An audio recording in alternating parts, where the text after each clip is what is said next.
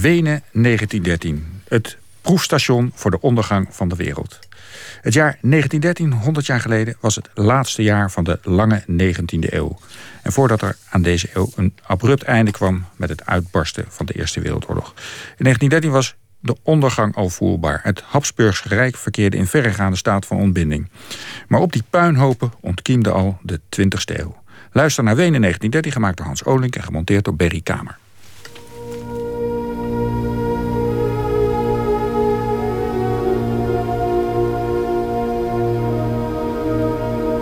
Het jaar 1913 is het laatste gloriejaar van de oude wereldorde. Terwijl het Habsburgse Rijk aan de vooravond van de Eerste Wereldoorlog in zijn voegen kraakt, baat Wenen in decadente vrolijkheid. De eerste bevingen die de crisis inluiden, worden al enige jaren geregistreerd. Oude maatschappelijke waarden en artistieke conventies verliezen hun macht, zijn niet meer geldig. De mens als individu wordt aan zijn lot overgelaten. Het keizerrijk valt in scherven. In de kunst gist het. In de muziek wordt de harmonie overboord gegooid. In de architectuur is het ornament verdacht. In de literatuur doet het personage zonder eigenschappen zijn intrede. is gallert, kalt und fließt nur dünn. Es ist nicht frisch und warm. Sie fühlen nichts. De satiricus Karl Kraus noemt het Oostenrijk aan de vooravond van de Eerste Wereldoorlog een proefstation voor de ondergang van de wereld.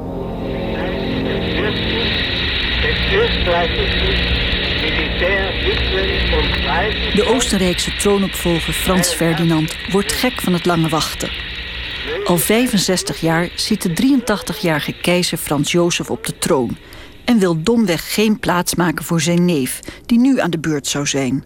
Na de dood van keizerin Sisi, Frans Jozefs geliefde vrouw, en na de zelfmoord van Rudolf, zijn geliefde zoon. Keizer Frans Jozef is nog steeds in het bezit van een oneindige reeks titels. Seine kaiserliche und königliche apostolische Majestät, von Gottes Gnade Kaiser von Österreich, König von Ungarn und Böhmen, von Dalmatien, Kroatien, Galizien, Lodomerien und Illyrien, König von Jerusalem, Großherzog von Toskana und Krakau, Herzog von Lothringen, von Salzburg, Steyr, Markgraf von Nerain, Herzog von Ober- und Niederschlesien, von Auschwitz und Sator, von Teschen, Friaul, Ragusa und Zara und so weiter und so weiter und so weiter.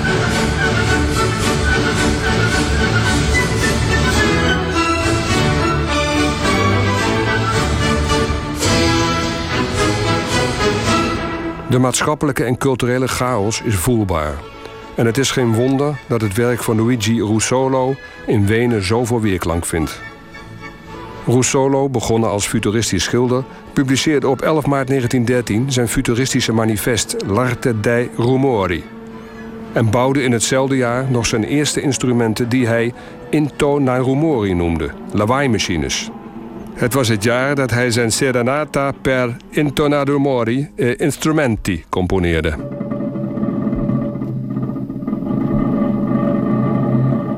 De angst dat 1913 een ongeluksjaar zal worden, zit tijdgenoten op de huid.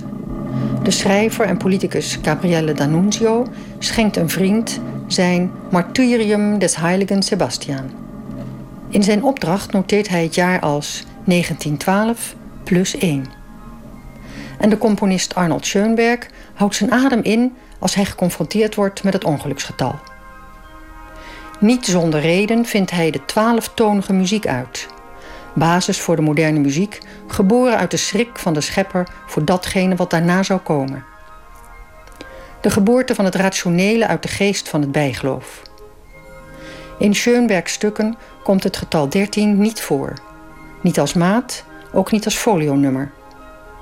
Toen hij vol ontzetting merkte dat zijn opera over Mozes en Aaron 13 letters zou hebben, streepte hij in Aaron de tweede A. Daardoor heet de opera gewoon Mozes und Aaron. En nu staat dus een heel jaar in het teken van het ongeluksgetal. Schönberg wordt op 13 september geboren. En de panische angst overvalt hem meer dan eens dat hij op een vrijdag, de 13e, zou sterven. Maar het helpt niets. Arnold Schoenberg sterft op de vrijdag de 13e, echter pas in het jaar 1951. Toch zal 1913 ook een verrassing voor hem in petto hebben. Hij krijgt er openlijk van langs. Het is 1913, maar de catastrofe voor Arnold Schoenberg laat nog op zich wachten. Op zaterdag, de 23 februari om half acht, vindt in de grote muziekvereinszaal in Wenen de première plaats van zijn Goerenlieder. En het publiek wacht verlangend op een nieuw schandaal. Zijn laatste optredens en composities hadden Wenen reeds verstoord en voor tumult gezorgd. De voormalige romanticus had zich consequent tot nieuwlichter ontwikkeld. Vorig jaar had hij voor ontzetting gezorgd met zijn Pierrot Lunaire, opus 21. En nu dit. Vijf vocalisten, drie vierstemmige mannenkoren, een reusachtig orkest met alle vormen van fluit, trommel en strijkinstrumenten. Alleen al 80 strijkers waren actief bij de oeropvoering. Zonder de 150 muzici in het orkest is het oratorium niet te spelen, verklaarde Schoenberg. Het stuk zelf is een groot, bombastisch, murmelend en swingend natuurtoneelstuk. Dat gaat over onweer en zomerwind. Enorme koren bezingen de schoonheid van de zon, zoals deze Schoenberg ooit verschenen was als overweldigende natuurindruk. Richard Specht in het tijdschrift Merz. In honderden ogen loert reeds het leedvermaak. Vandaag zal men hem weer eens tonen of hij zich mag veroorloven te componeren wat hij wil. Maar het schandaal blijft uit. In plaats daarvan triomf. Het jubelende roepen, dat al na het eerste deel losbrak, steeg tot tumult na het derde. En toen de machtige zonsopgangsgroet van het koor voorbij was, kende het juichen geen grenzen meer. Met gezichten nat van de tranen kreeg de componist dank toegeroepen, die steeds warmer en indringender klonk. Het klonk als vergiffenis. Een paar jonge mensen die ik niet kende, bekenden me dat ze huissleutels hadden meegebracht om tot Schoenbergs muziek door te dringen. En nu waren ze zo geheel door hen bedwongen dat niets meer hen kon tegenhouden.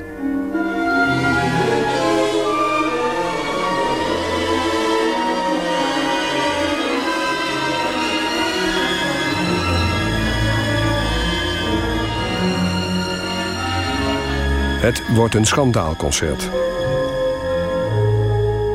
Op 31 maart van datzelfde jaar schrijft de moderne muziek geschiedenis. Het orkest van de Wiener Concertverein, onder leiding van Arnold Schoenberg, speelt eigentijdse componisten die grotendeels behoren tot het expressionisme en de tweede Wiener Schule. Tijdens het concert in de zaal van de Muziekverein komt het tot schelpartijen en tumult, zodat het voortijdig moest worden afgebroken. Anton von Webern springt op en schreeuwt dat het publiek naar huis moet gaan. Waarop het publiek krijst dat wie van zulke muziek houdt in gekke gesticht de Steinhof hoort. De diagnose van het publiek: krankzinnige muziek op tekst van een krankzinnige. Schoenberg slaat met zijn dirigeerstokje op de lessenaar en roept dat hij ieder die de orde verstoort met geweld zal laten afvoeren. Waarop er pas echt tumult losbarst. Er wordt opgeroepen tot duel en iemand werkt zich over de rijen van het parket naar voren. Als hij vooraan is beland, geeft Oscar Strauss, componist van de operette Een Walsdroom, Arnold Schoenberg een klap.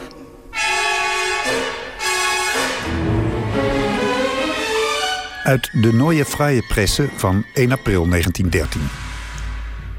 De fanatieke aanhangers van Schoenberg en de overtuigde tegenstanders van zijn vaak uiterst merkwaardige klankexperimenten zijn al meerdere malen op hardhandige wijze op elkaar gestuit.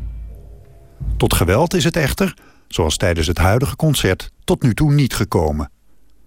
Om de opgewonden strijdende groepen te scheiden, restte er geen andere mogelijkheid dan de lichten te doven. Vier personen werden door de politie gearresteerd: een student filosofie, een praktiserend arts, een ingenieur en een jurist. De avond gaat als Watschen-concert, oorvijgenconcert de geschiedenis in. Arnold Schoenberg reist de volgende dag naar Berlijn. Definitief in zijn overtuiging bevestigd dat 1913 een ongeluksjaar is en de Weners onbegrijpelijke bekrompen burgermannetjes zijn.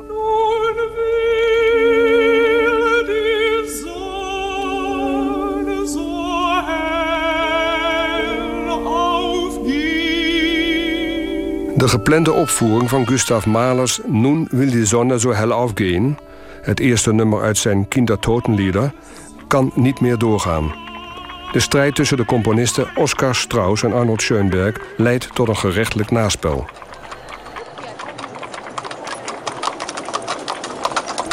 Wenen is een stad die als geen ander verstrikt is in de meest tegenstrijdige ontwikkelingen. Kakanië wordt de stad ook wel eens genoemd. KK staat voor Königlich en Kaiserlich. Maar tegelijkertijd voor chaos. Een kakofonie van moderne muziek weer klinkt...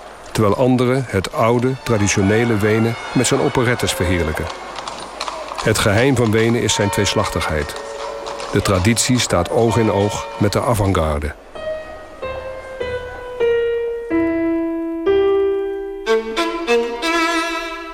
In de herfst van 1913 komt Jozef Rood vanuit Lemberg naar Wenen. Hij betrekt een kamer in Leopoldstad, de Joodse wijk. De in 1894 geboren Rood wil gaan studeren aan de Weense Universiteit. Maar met zijn onstuitbare drang te willen weten, voelt hij zich in de journalistiek meer op zijn gemak. Hij wordt een van de bekendste schrijvers van het voormalige Habsburgse Rijk en zal vele romans schrijven, zoals de Radetzky-mars, waarin hij het verval van het Habsburgse Rijk schetst. Of zoals de Kapuzinergroeft, de Kapucijnencrypte, die in 1913 speelt en waarin de ondergang van Oostenrijk centraal staat. Een fragment. Wir heißen Trotta. Unser Geschlecht stammt aus Sipolje in Slowenien. Ich sage Geschlecht, denn wir sind nicht eine Familie. Sipolje besteht nicht mehr, lange nicht mehr. Es bildet heute mit mehreren umliegenden Gemeinden zusammen eine größere Ortschaft. Es ist, wie man weiß, der Wille dieser Zeit. Die Menschen können nicht alleine bleiben. Sie schließen sich in sinnlosen Gruppen zusammen. Und die Dörfer können auch nicht alleine bleiben. Sinnlose Gebilde entstehen also. Die Bauern drängt es zur Stadt und die Dörfer selbst möchten justament Städte werden.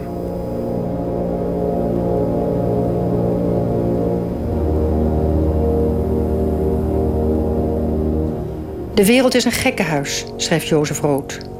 Een opvatting die wordt gedeeld door de schrijver Robert Musil... die met zijn vrouw woont in het derde rayon, Untere Weisgerberstrasse 61. Hij is een man met zeer veel eigenschappen. Goed verzorgd en zijn schoenen zijn de meest glanzende van alle Weense koffiehuizen.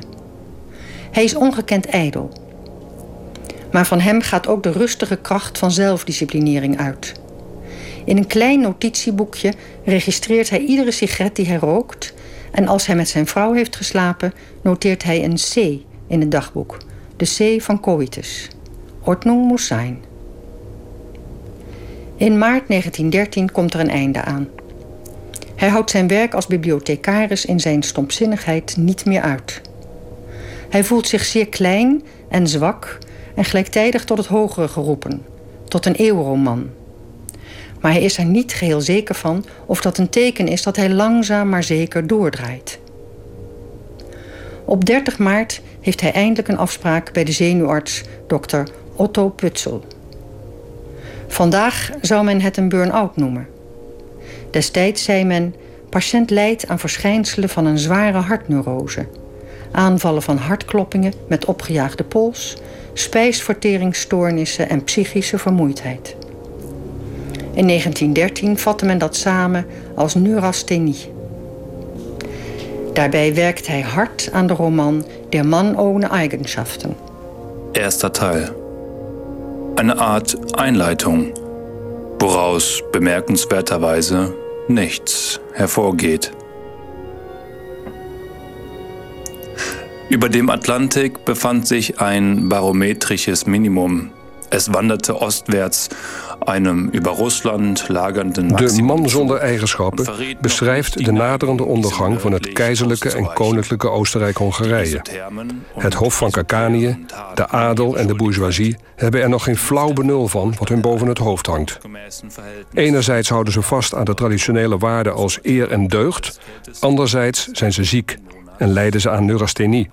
Graaf Leinsdorf, de hoofdpersoon Ulrich, is de leider van een vaderlandse actie ter gelegenheid van het regeringsjubileum van keizer Frans Jozef. Hij is een man die, evenals Moeziel, geen vast omlijnde denkbeelden heeft, open staat voor alles. Een romanfiguur die zijn weg probeert te zoeken in de chaos om hem heen. Een man die zichzelf steeds opnieuw uitvindt, voor alles open staat en daarmee zeer geschikt is als mens voor de toekomst. De hoofdpersoon verwoordt de tijdgeest als volgt. Was er nu wel of geen Balkanoorlog? Er vond wel een of andere interventie plaats, maar of dat oorlog was, hij wist het niet precies.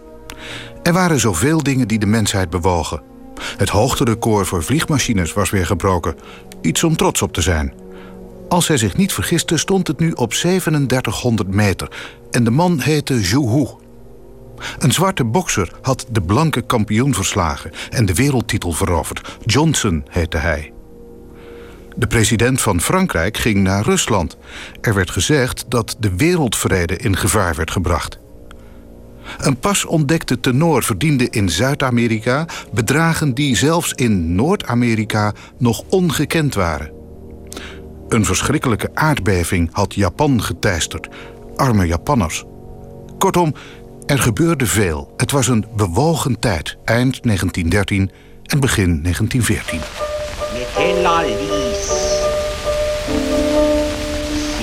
Denken, liebe Kleine, noch manchmal, wie ich meine, an Stanislaus, Baron von Frascata, den auf jedem Ball blind... Karel Kraus valt met zijn eenmanstijdschrift Die Fakkel het establishment in de Ringstraße permanent aan.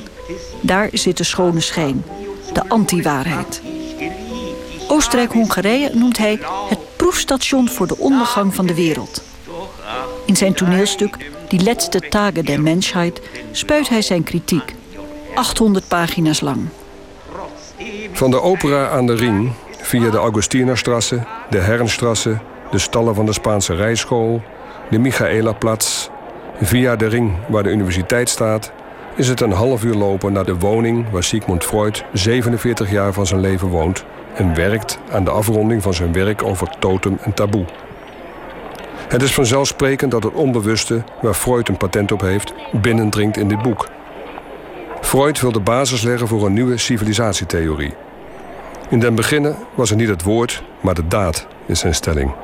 Het oermoment van de ontwikkelingsgeschiedenis, zoals Freud dat ziet in het voorjaar van 1913, is de vadermoord van Oedipus. De onbewuste seksuele drift die een jongen heeft jegens zijn moeder leidt tot het verlangen zijn vader te vermoorden. Uit jaloezie. Mijn naam? Sigmund Freud.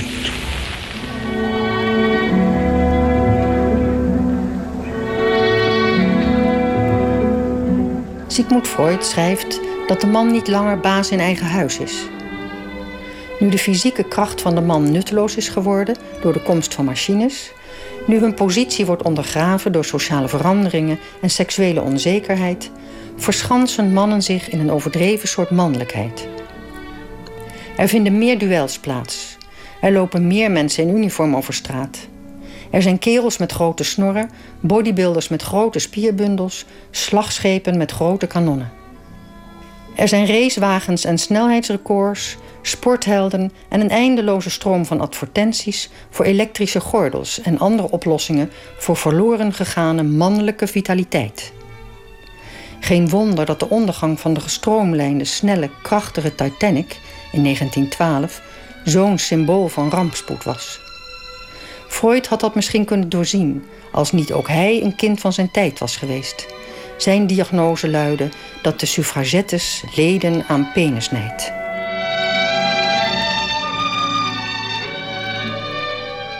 De 33-jarige misantroop, sociopaat en wiskundeleraar Oswald Spengler werkt aan Der Untergang des Abendlandes. Hij zelf gaat met deze ondergang als goed voorbeeld voorop. Ik ben, zo schrijft hij in 1913 in de notities van zijn autobiografie, de laatste van mijn soort. Alles gaat te gronden. In hem en aan zijn lichaam is het lijden van het avondland te zien. Zijn oergevoel is angst. Angst om een winkel te betreden. Angst voor familie. Angst als anderen een dialect spreken. En natuurlijk angst voor vrouwen, zo gauw ze zich uitkleden. In zijn notities leidt hij en klaagt hij over een zware jeugd en een nog zwaarder heden. Iedere dag noteert hij: Een grote tijd gaat ten einde. Merkt niemand het? Reden en instinct lijken steeds meer van elkaar te vervreemden. De verhouding tussen mannen en vrouwen wordt zowel sociaal als erotisch op losse schroeven gezet, waardoor vooral mannen, angstig en nerveus zoekend naar oplossingen, achterblijven. Het vraagstuk van de redeloosheid is een seksueel vraagstuk. Freud ziet dit in. Hij geeft het irrationele en de seksualiteit een centrale rol en beschrijft de opstand van de redeloosheid op individueel niveau. De artistieke uitdrukking ervan is vooral in Wenen te vinden, de hoofdstad van de ziekelijke gevoeligheid voor identiteitsvraagstukken. De doeken van Egon Schiele tonen mensen die ten prooi vallen aan hun impulsen, die zich blootgeven en die zich begraven in de eenzaamheid. Carl Jung begint dit jaar zijn dromen en zijn innerlijke belevenissen in een boek te noteren, waarna hij zichzelf gaat analyseren. Begin van het jaar had hij, president van de Internationale Psychoanalytische Vereniging, de vadermoord op Sigmund Freud voltrokken. Hij had niet alleen de libido-theorie als centraal geloofsbeginsel van de psychologie afgezworen, maar vooral, zoals hij het zelf in zijn brief noemde, de profeet aan zijn baard getrokken.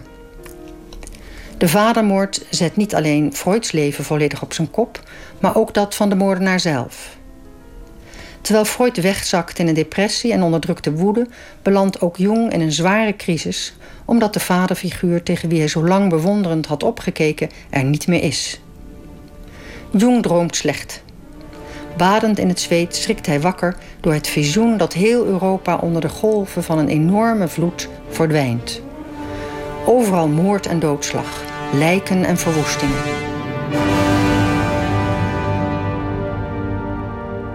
De oude wereld gaat ten onder. De wereldoorlog kost miljoenen levens. Maar de ingrediënten en de hoofdpersonen voor een nieuwe wereld dienen zich in 1913 al aan, zeer bescheiden nog. Op een januaridag komt met de trein uit Krakau een enigszins verwaarloosde 34-jarige Rus aan op het Weense Noordbaanhof. Hij hinkt. Zijn haar is dit jaar nog niet gewassen. Zijn ruige snor die onder zijn neus woekert, kan de littekens van de pokken niet verbergen. Hij draagt Russische boerenschoenen en een volle koffer. Meteen na aankomst stapt hij op de tram die hem naar de wijk Hietzing moet brengen. In zijn pas staat Stavros Papadopoulos, een naam die klinkt als een Grieks-Georgische vermenging.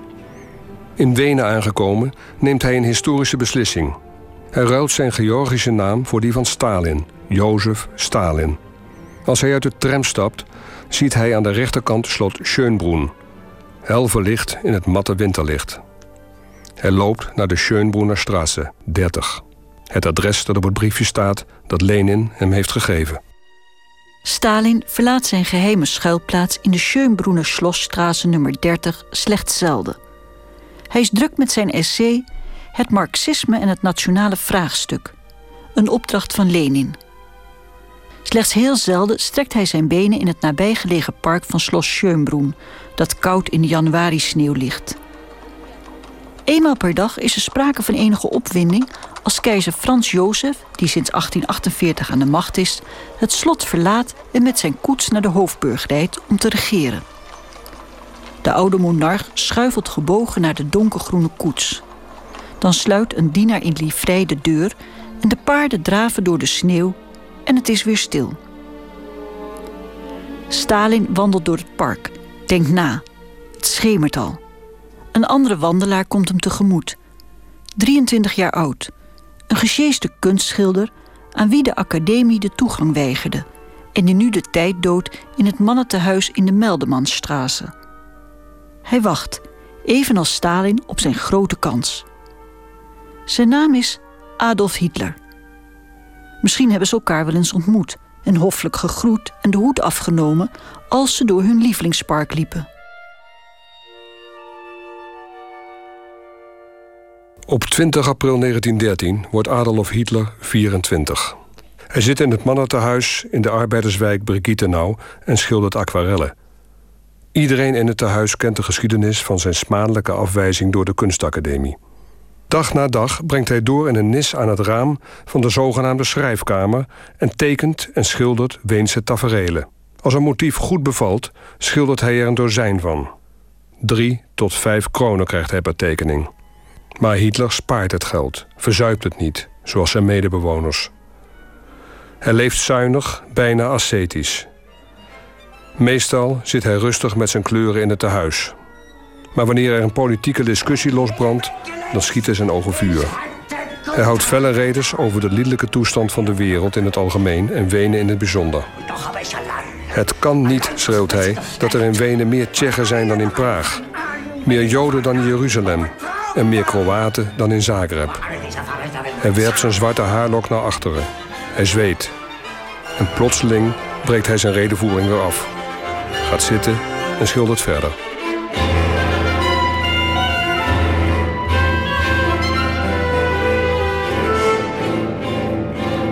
Hitler en zijn vriend Rudolf Heusler, met wie hij samen in Wenen in het mannentehuis woont, vluchten op de vroege ochtend van 25 mei 1913 met de trein uit Oostenrijk, waarschijnlijk om de dreigende militaire dienst te ontlopen. Ze vermoeden dan nog niet dat het leger op dat moment wel andere zorgen heeft. De zondagochtend dat Hitler Wenen verlaat, is de stad in een shock. Een van de hoogste militairen en spionnen van de Oostenrijk-Hongaarse monarchie, overste Alfred Redel, is s'nachts van spionage beschuldigd en heeft zich even later om kwart voor twee in zijn hotelkamer van het leven beroofd. Als keizer Frans Jozef s morgens om vier uur bij het opstaan over de omvang van de militaire spionage van Redel en de gebeurtenissen van die nacht hoort, zucht hij diep. Dus dat is de nieuwe tijd. En dat zijn de creaturen die ze voortbrengt. In vroeger tijden zou zoiets ondenkbaar zijn geweest. In de kranten laat men een mededeling plaatsen waarin men de schijn probeert op te houden. De chefstaf van het Praagse legerkorps, kolonel Alfred Redel, heeft zich in een vlaag van verstandsverbijstering van het leven beroofd. De hoogbegaafde officier, wie een grote carrière wachtte, leed de afgelopen tijd aan slapeloosheid. Zo probeert men het vreselijke nieuws dat een van de invloedrijkste generaals van Oostenrijk-Hongarije alle militaire plannen aan de vijand had verraden, als zelfmoord uit slapeloosheid te verkopen. De naam Redel wordt het synoniem voor een uitgehold systeem, een verouderde, decadente monarchie.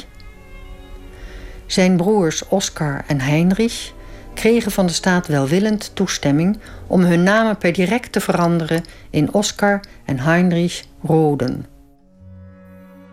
Om de troepensterkte te verhogen, begint in heel Oostenrijk de zoektocht naar dienstplichtigen die zich aan de krijgsdienst hebben onttrokken. Zo doet de politie op 22 augustus aangifte van vermissing. Hitler, Adolf, laatstelijk woonachtig in het mannentehuis aan de Meldamannstrasse te Wenen. Huidige verblijfplaats nog onbekend. Naspeuringen worden voortgezet.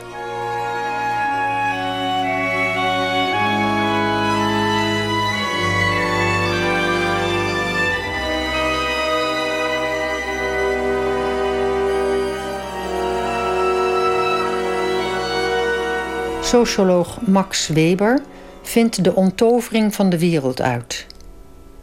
In zijn essay over de grondbegrippen der sociologie schrijft hij erover wat voor de kapitalistische structuur van de maatschappij belangrijk is. En daartoe behoort de toenemende vertechnisering en verwetenschappelijking, rationalisering van alles wat voorheen als een wonder gold.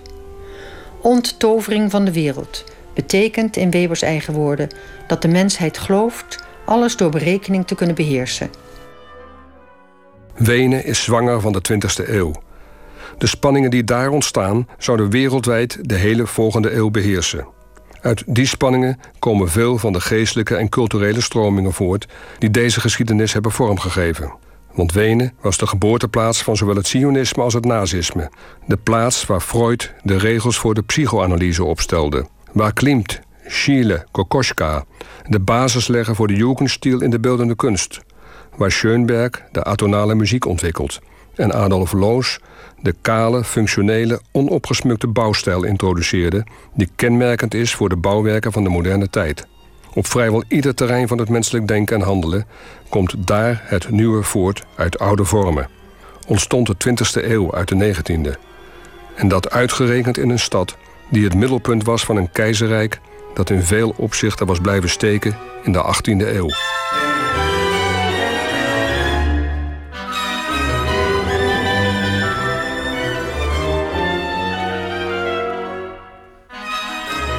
Dit was Wenen 1913, het proefstation voor de ondergang van de wereld. Techniek Berry Kamer, stemmen Astrid Nauta, Elma Zwart, Hans Olink, Anton de Goede, Chris Keijnen en Aad van Niekerk.